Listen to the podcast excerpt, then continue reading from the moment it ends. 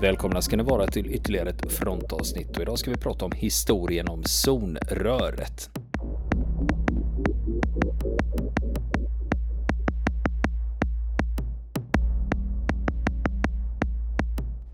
Ja du Niklas, zonrör. Du, börjar, ja, du frågar mig förut, vet du vad ett zonrör är? Ja. Och jag har en idé om vad det är.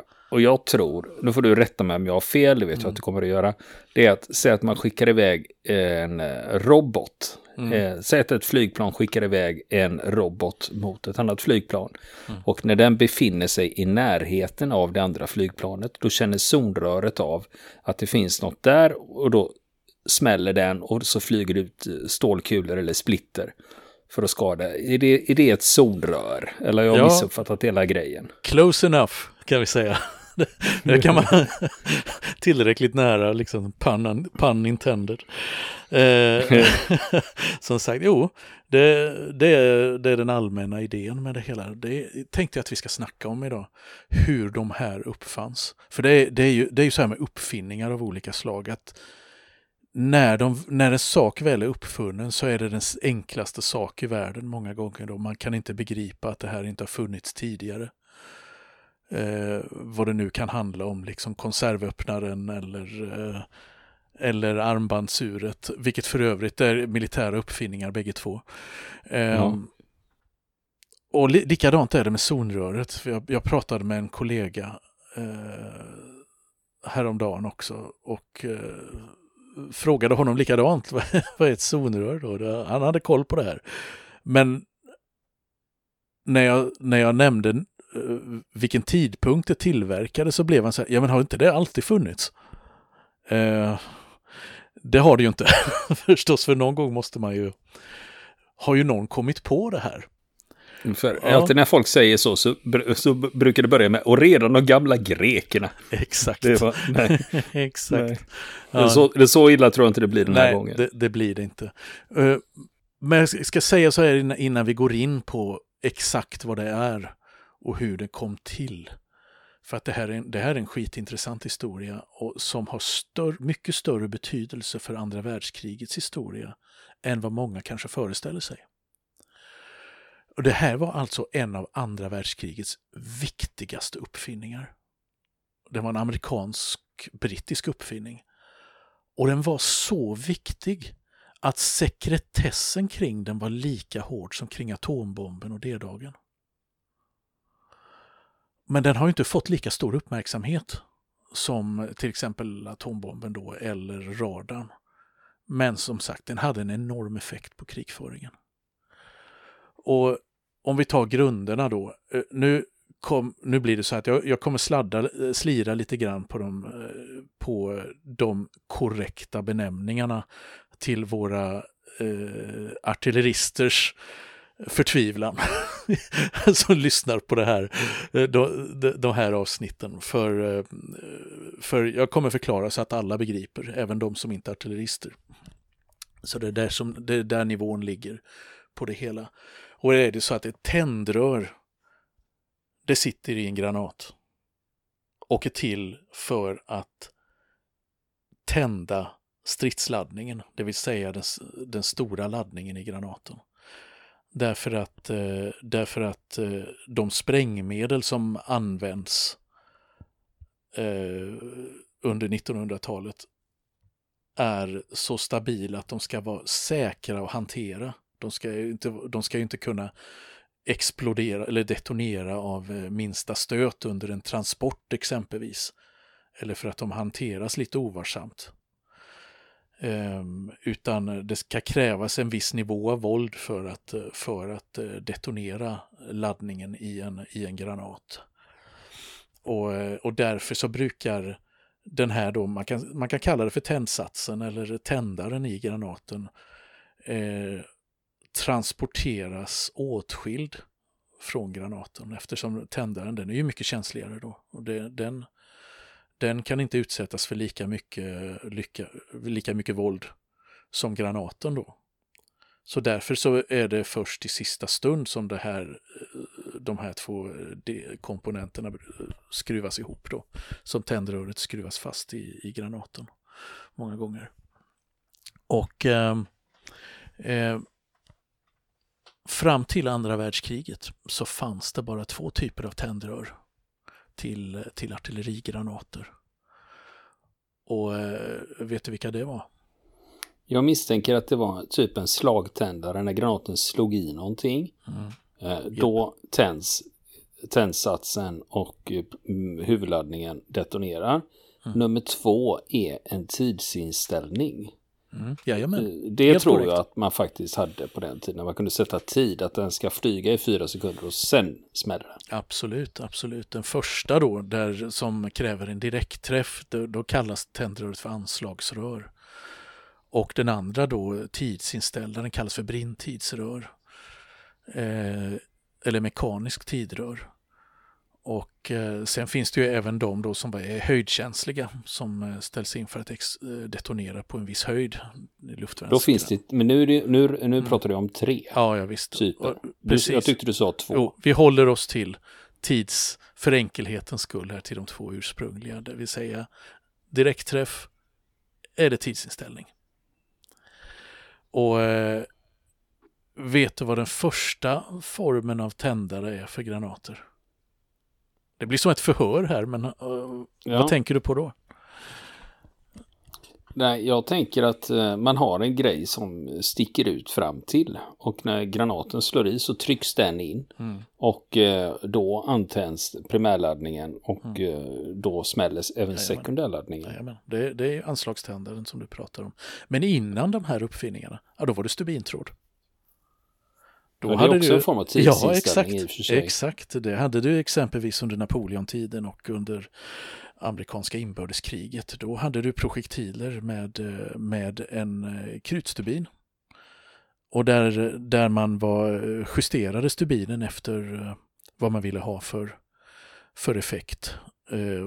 På vilket avstånd eller efter vilken tid den skulle detonera projektilen. Eh, och det var när man ville ha luftbrisader oftast över fiendens trupper för att skada mjuka mål med splitter och så. Eh, men det är som sagt, det är en annan historia. Eh, men alltså utöver det här grundschemat då som vi precis har satt upp så finns det idag en hel flora av olika tändrör till projektiler. Eh, liksom där det handlar om både känsligheten och det handlar om placeringen och det handlar om snabbhet och eh, allt möjligt. Det finns massor av artillerilingo eh, kring det här då, men så, så djupt ska vi inte bada i, bada i det här. Eh, den här gången i alla fall. Eh, utan de här två typerna som fanns eh, innan då, liksom, för direktträff eller tid, de innebar ju också stora problem eller stora utmaningar för artilleristerna. För den första varianten, där måste du träffa målet för att få effekten då. Och det var ju väldigt svårt att träffa ett rörligt mål med eh, anslagständare eh, då. Eh, och ska du skjuta på flygplan så var det att en granat som missar målet, ja den exploderar inte. Utan den far ju bara iväg någonstans. Eh, och använder man eh, tidsinställning så krävde ju det väldigt god bedömningsförmåga för att kunna förutse var ett rörligt mål skulle befinna sig, till exempel ett flygplan eller ett fartyg. Så att eh, det, det fanns många olika eh, problem att brottas med här och man kan säga det här med zonröret, det föds ur luftkrigets behov i första hand eh, under andra världskriget för att luftvärnets ammunitionsåtgång var kolossal när det gällde att bekämpa eh, fientliga flygplan. Och man, alltså man har till exempel då beräknat att under de Luftwaffes bombningar i Storbritannien 1940-41, alltså det som kallas blitzen, så kunde det ta upp till ja, uppskattningsvis någonstans mellan 20 000 och 100 000 projektiler för att skjuta ner ett flygplan. Ett enda flygplan. Och, så att det kan man ju kalla, kalla en ganska stor åtgång. Det finns andra beräkningar också som har satt det något lägre. Men det en, handlar ändå om en kolossal massa ammunition som man var tvungen att eh, avfyra för att träffa någonting. Ehm, så därför så var det en artillerists dröm att få fram en, ett tändrör och en granat som, där det räckte att den bara hamnade i närheten av målet för att den skulle detonera och, eh, och skada eller förstöra målet. Jo, och då i luftkriget så var ju varken då anslags tändröret eller, eller eh, tidröret eh, lämpliga då för att hantera den nya dimensionen. Då. För att en luftvärnsgranat måste detonera då inom 30 meter från ett flygplan för att man skulle vara hundraprocentigt säker på att skada det allvarligt eller skjuta ner det. Och det var liksom enda lösningen, få fram ett zonrör för att kunna minska den här enorma ammunitionsåtgången då och höja luftvärnets effektivitet. Då, istället för att ösa en massa, massa projektiler upp, på, upp i himlen då. Så ett mer avancerat tändrör var, var någonting som var, stod högt på önskelistan för, eh, för speciellt det brittiska luftvärnet i början av andra världskriget. Men det var allt annat än enkelt att konstruera ett zonrör då. Och det fanns många hinder för det här och ett av de stora hindren var att luftvärnsgranaterna generellt, de var inte så stora. Men komponenterna som behövdes för ett zonrör, de var inte så små. Om du förstår. Det var eh, du behövde ha in de här, och du behövde göra de här delarna tillräckligt små för att de skulle, skulle kunna få plats inuti en luftvärnsprojektil. Och då snackar vi en projektil på kanske 10 cm och därunder i kaliber.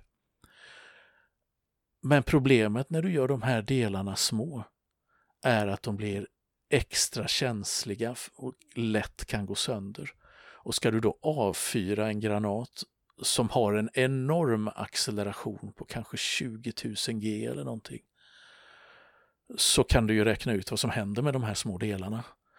Eh, så det gällde att göra stabila grejer. Och det här var ju en, men ändå pyttesmå. Så det här var ju en stor teknisk utmaning som blev högsta prioritet på den allierade sidan i början av andra världskriget. Ja, men inte bara då på den allierade sidan, för även tyskarna försökte. Men kom inte så långt. Alltså man hade flera dussin planritningar och projekt igång för olika typer av zonrör. Men ingen av de här modellerna kom i tjänst på den tyska sidan. Det trots att stora rustningsfirmor som Rheinmetall och Borsig var inblandade. Eh, så, så lyckades aldrig tyskarna kom, komma ända fram. Och även i Japan så försökte forskare då, men det gick väldigt långsamt och det var inte förrän alldeles framåt krigsslutet som man hade någonting som fungerade på den japanska sidan. Och så försökte britterna eh, i det som Winston Churchill kallade för the wizard war då, trollkarlarnas krig, alltså forskarna, vetenskapsmännens eh, att uppfinna eh, nya tekniska lösningar, nya vapen och andra, andra saker som kunde hjälpa till att besegra fienden. Och de brittiska vapenutvecklarna då alldeles i början av kriget, de koncentrerade sig på att försöka utveckla fotoelektriska zonrör. Ljuskänsliga Exakt, på något sätt? Då, de, det var, de använde ljuskänsliga mottagare då för att avgöra när ett mål var inom räckhåll. Eh, men det fanns ju stora, stora liksom problem med dem också då, för de kunde bara få plats i större projektiler som, som raketer. Och så. Det, kräv, det krävdes ett helt annat utrymme för att, för att få, uh, få den typen av zonrör uh, installerade. Och men det här var någonting som Churchill promotade och liksom piskade på forskarkollektivet i, i Storbritannien att få igång en tillverkning av zonrör så fort som möjligt. Och, och, och, och, han höll fast då vid den här fotoelektriska när han hade fått höra om detta då att eh, det här var, det här var lösningen då man skulle ändå skulle försöka satsa på. Men brittiska forskare hade många andra projekt de jobbade med också. Och den allmänna känslan bland forskarna var att det skulle ta för lång tid att utveckla eh, zonrör av den här sorten då på egen hand. Och dessutom så fanns det ett annat problem med de här fotoelektriska tändrören och det var bland annat att de eh, inte sällan detonerade när de inte skulle på grund av ljusreflexer och skuggor från andra källor. Plus att de då var värdelösa på natten förstås. Då gick de inte att använda alls. Um, så istället så var det i USA som problemet kom att lösas med input från britterna. Och det var så tidigt som 1940. Alltså innan USA kom med i kriget så hade redan mycket börjat hända på försvarsområdet. Det pågick en upprustning och man hade börjat, eh, börjat eh, eh, Eh, ställa om eh, produktionen till militära behov och så vidare. Även om USA vid den tidpunkten ännu var neutralt. Och 1940 så grundas någonting som kallas för det nationella försvarsforskningsrådet i USA, då National Defense Research Council. Eh, och det är en kommitté då som skulle styra och samordna all militära, alla militära forsknings och utvecklingsprojekt i USA. Eh, och det, led, det här kommittén då leds av en väldigt eh, handlingskraftig forskare från MIT, då, Massachusetts Institute of Technology, som heter Vannevar Bush. Som eh, man kan säga, han kommer att bli högste chef då för Alamo-projektet också under andra världskriget. Senare då. Ehm, så att han hade ju mycket på sitt bord. Och en av hans första åtgärder som, eh, som chef för eh, National Defense Research Council var att begära in önskelistor från de olika vapengrenarna. Och eh, vad ville de ha? Och högst på flottans lista stod ett zonrör för luftvärnskanonerna på örlogsfartygen. Ehm, därför att den amerikanska flottan hade insett då, eh, flygvapnets potential att, eh, i, eh, i eh, sjökriget och vilket hot eh, flyget kunde utgöra mot stora, stora örlogsfartyg. Och den här grejen då, den här frågan om, eh, om zonrör för luftvärnsprojektiler, den hamnar hos en, en forskare som heter Merle Tuve som är, är föreståndare vid den här tiden för institu institutionen för jordmagnetism vid Carnegie-institutet i USA. Och han, eh, han eh, har också en forskartjänst på John Hopkins universitetet i Baltimore. Och det är i Baltimore som allt kommer att hända som har med den här framstegen att göra inom, eh, inom artilleriet. Eh, han är geofysiker, han är född i South Dakota, men hans släkt kommer från Minnesota och i förlängningen från Norge. Hans farföräldrar har invandrat till USA från Norge. Och eh, han har fått sin utbildning vid Minnesota-universitetet och sen övergick han till Princeton och John Hopkins och får sin eh, doktorshatt 1927. Och eh, de experiment som han gör med radiovågor på 1920-talet la sedan den teoretiska grunden till radarn. Så att det här är, det här är en skärpt eh, kille då, som eh, Merle Tuve, som eh, kommer leda ett forskarteam som kallas för sektion T i, i det som, som blir en ny efterträdare till det här forskningsrådet jag pratar om. Det heter Office of Scientific Research and Development, byrån för vetenskaplig forskning och utveckling som Eh, leds av den här Vannevar Bush som jag pratade om tidigare. Eh, men Tuve han, han har sin, eh, sitt forskarteam då i Baltimore. Och där prövar man en rad olika vägar då för att komma fram till eh, den bästa konstruktionen av ett zonrör. Eh, och han provar med den här fotoelektriska lösningen, man testar radiovågsreflektion, man testar akustiska tändrör och man testar markstyrda tändrör. Eh, eller försöker utveckla snarare. Det kom, I många fall så kom det inte så långt som till tester ens för att det här var ju krånglig, det var krångliga och tidsödande saker. Ehm, att, att få fram då eh, samtidigt som det var väldigt ont om tid. Och så plockar man in också ett annat forskarteam. Som, eh, för TUVs forskarteam de jobbar för flottan, men så plockar man in ett annat forskarteam som ska jobba för arméns räkning med likadana zonrör för arméns behov då, så man delar upp det här projektet i två delar.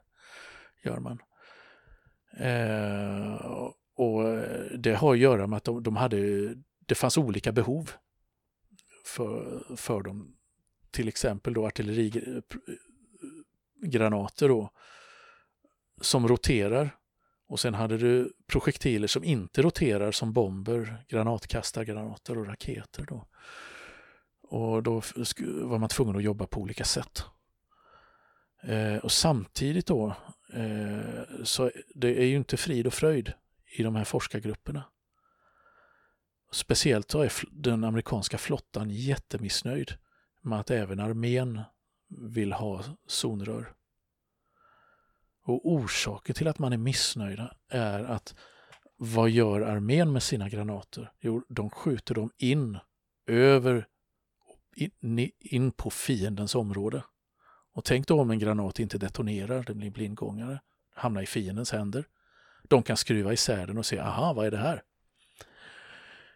Och så tar man efter idén. Det ville den amerikanska flottan absolut inte, för de var livrädda för att det här skulle kunna vändas mot den egna flottan och det egna flyget.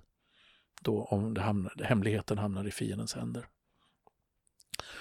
Så vad som händer då är att den högsta krigsledningen i USA, Combined Chiefs of Staff, de fattar beslut om att zon, de här zonrören då som, ska, uh, som är på väg att uh, uh, konstrueras, de får inte användas där fienden kunde få tag på dem och kopiera dem.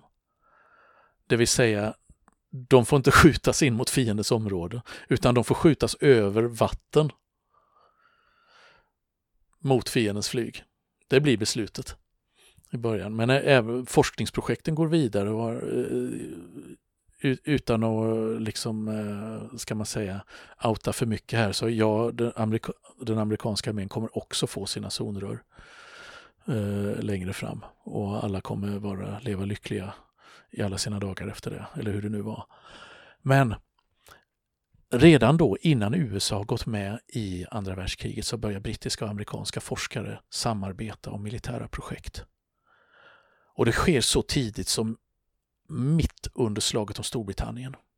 I september 1940 då besöker en grupp brittiska forskare, det är en delegation, eh, då, de besöker USA och forskarkollegor där som en del av ett informationsutbyte. Då. Och den, här, den här brittiska gruppen leds av en forskare som heter Sir Henry Tissard då, som kommer att vara inblandad i Alamo-projektet längre fram. Och de har med sig en hel bukett kan man säga, eller flora av idéer och pågående projekt av olika sorter då som man vill samarbeta om och dela med sig av. Och däribland så finns det en skiss på ett tändrör, en idéskiss på ett tändrör som har utrustats med en radiosändare, kan man säga, en radiooscillator. Alltså det är en elektronisk strömkrets som skapar en elektronisk signal då. Och även kan ta emot signal. Ehm, I det här fallet då med, med hjälp av en antenn. Och, och ehm, den här idén då, den har utvecklats av några brittiska forskare då, som, eh, bland annat en som heter Samuel Curran och en som heter William Butement. Eh, och några till då som hade, hade tänkt ut eh, zonröret då, eller de tidiga principerna för det då. Um, där, där man kan säga den här sändaren i, i granaten skulle fungera som en radar. Eh, I princip då du har en sändare och mottagare och du sänder ut en signal.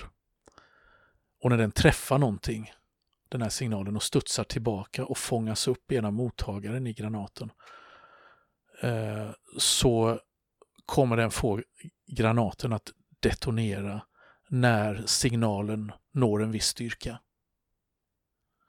Det är i, i korta drag hur, hur zonröret då eh, i den version som utvecklades under andra världskriget fungerar. Och Det här såg ju Merle forskargrupp att wow, det här kan vi jobba med.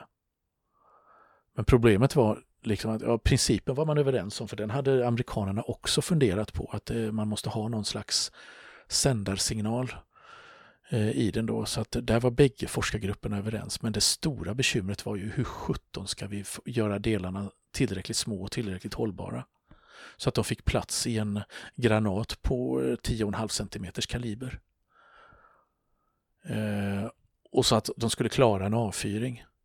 Och eh, den här otroliga accelerationen då som en luftvärnsprojektil eh, har. Och eh, som sagt, som en slags miniradar då i det hela där. Eh, och det var det som var den stora utmaningen då att, eh, att, eh, att lösa då. För den här sändaren då, där hade man bland annat, eh, var man tvungen att göra små radiorör. Alla som har skruvat isär en jättegammal radioapparat kommer ihåg de här glasrören som eh, satt i dessa inne på, eh, på kretskorten.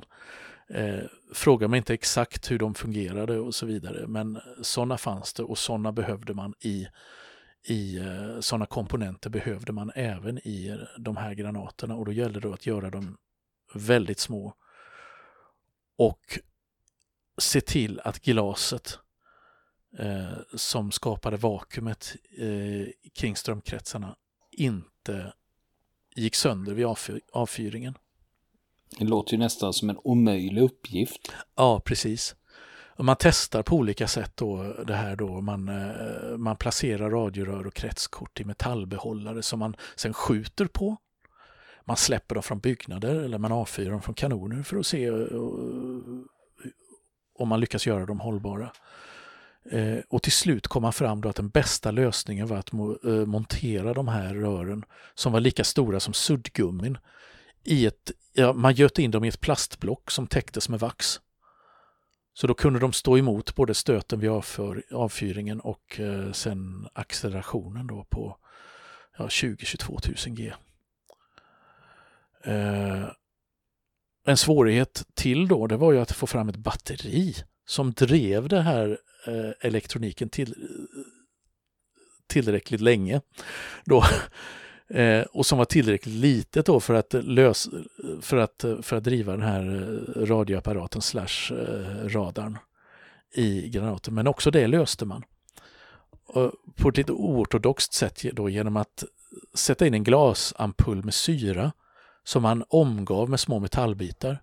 Och när granaten avfyrades så sprack glastuben och syran hamnade på de här plåtarna och vips hade man ett batteri som fungerade under de sekunder det tog för projektilen att nå målet.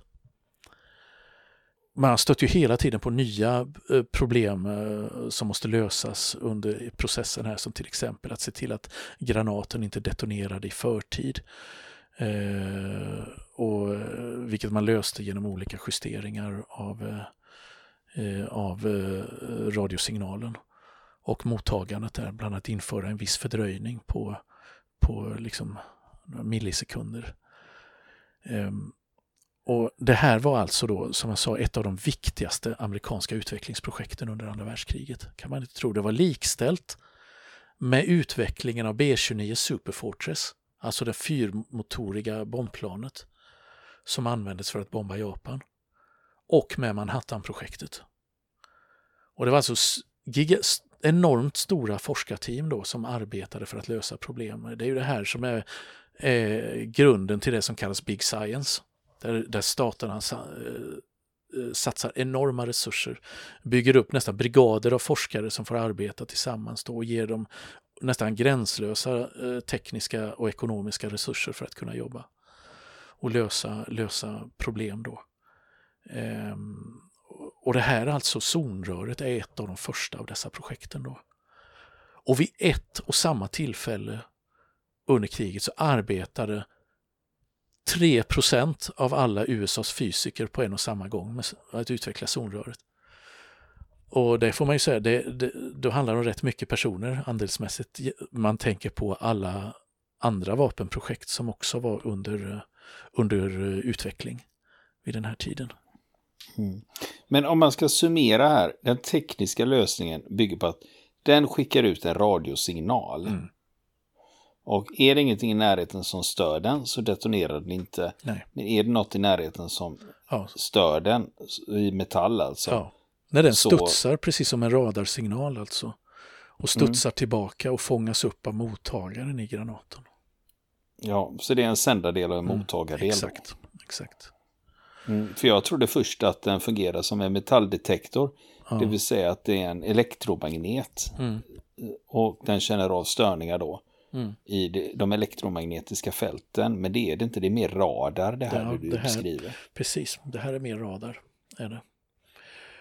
Ehm, och eh, det här då, arbetet med att utveckla luftvärnsgranaterna för flottan gick ju snabbast. För flottan var de som var mest intresserade och de pushade på hela tiden och de var väldigt otåliga att de ville ha, ville ha fram det här därför att det japanska flyget hade ju som sagt i början av kriget i Stilla havet Ja, vi vet ju vad de ställde till med, inte bara vid Pearl Harbor utan under många andra drabbningar i Stilla havet under det första året eh, av Stilla havskriget där man gick väldigt hårt åt eh, de eh, amerikanska och brittiska flottstridskrafterna. Så det var oerhört angeläget att få ett effektivare luftvärn redan i juni eh, 1941 så testar man den första, en 10,5 cm granat med ett zonrör eh, med framgång. Och i början av 1942 så testsköt man över vatten mot modeller av japanska plan för att se vilka skador som uppstod. Och så kommer vi fram till den stora dagen som är den 13 augusti 1942 för då är det dags för det första praktiska testet med en massa höjdare från flottan närvarande. Nu måste, ska jag visa vad de går för då. Och då har man utrustat luftvärnskanoner på den kryssaren USS Cleveland med 10,5 cm luftvärnsgranater. Och man har skickar upp i luften två radiostyrda flygplan, drönare helt enkelt, i snabb följd efter varandra för att se, ja hur ska det här gå? Och marinofficerarna, de tappar hakan när de ser att pang pang, omedelbart liksom så, så skjuts eh, de här drönarna ner. Snabbare innan någon på marken har hunnit reagera. Ingen har sett sådana här målflygplan eller drönare bli nedskjutna så snabbt tidigare. Och man var, alltså överraskningen var ju så stor, man var inte, man var inte beredd på det här. Så man hade inga fler drönare att skicka upp den här dagen. Och så först nästa dag så har man hittat en tredje för att liksom testa igen. Men den blev nedskjuten lika snabbt som de tidigare. Det tog fyra skott för att få ner tre, tre plan. Och flottan är ju supernöjd med det här resultatet och redan i slutet av samma år, alltså 1942, så har man skeppat 5000 luftvärnsgranater med zonrör till Stilla havet och de fördelas mellan tre stora fartyg. Det är hangarfartygen Enterprise och Saratoga och den lätta kryssaren Helena. Och nästa vecka så ska vi berätta vad som hände när man satte in den här uppfinningen i strid för första gången både i Stilla havet och senare i Europa mot tyska Wehrmacht. Vill ni komma i kontakt med oss så kan ni göra det via vår Facebook-sida som heter Fronten. Det är inga problem för er att leta er fram där. Eller också så mejlar ni på vår mejladress och det är frontenpodcast.gmail.com.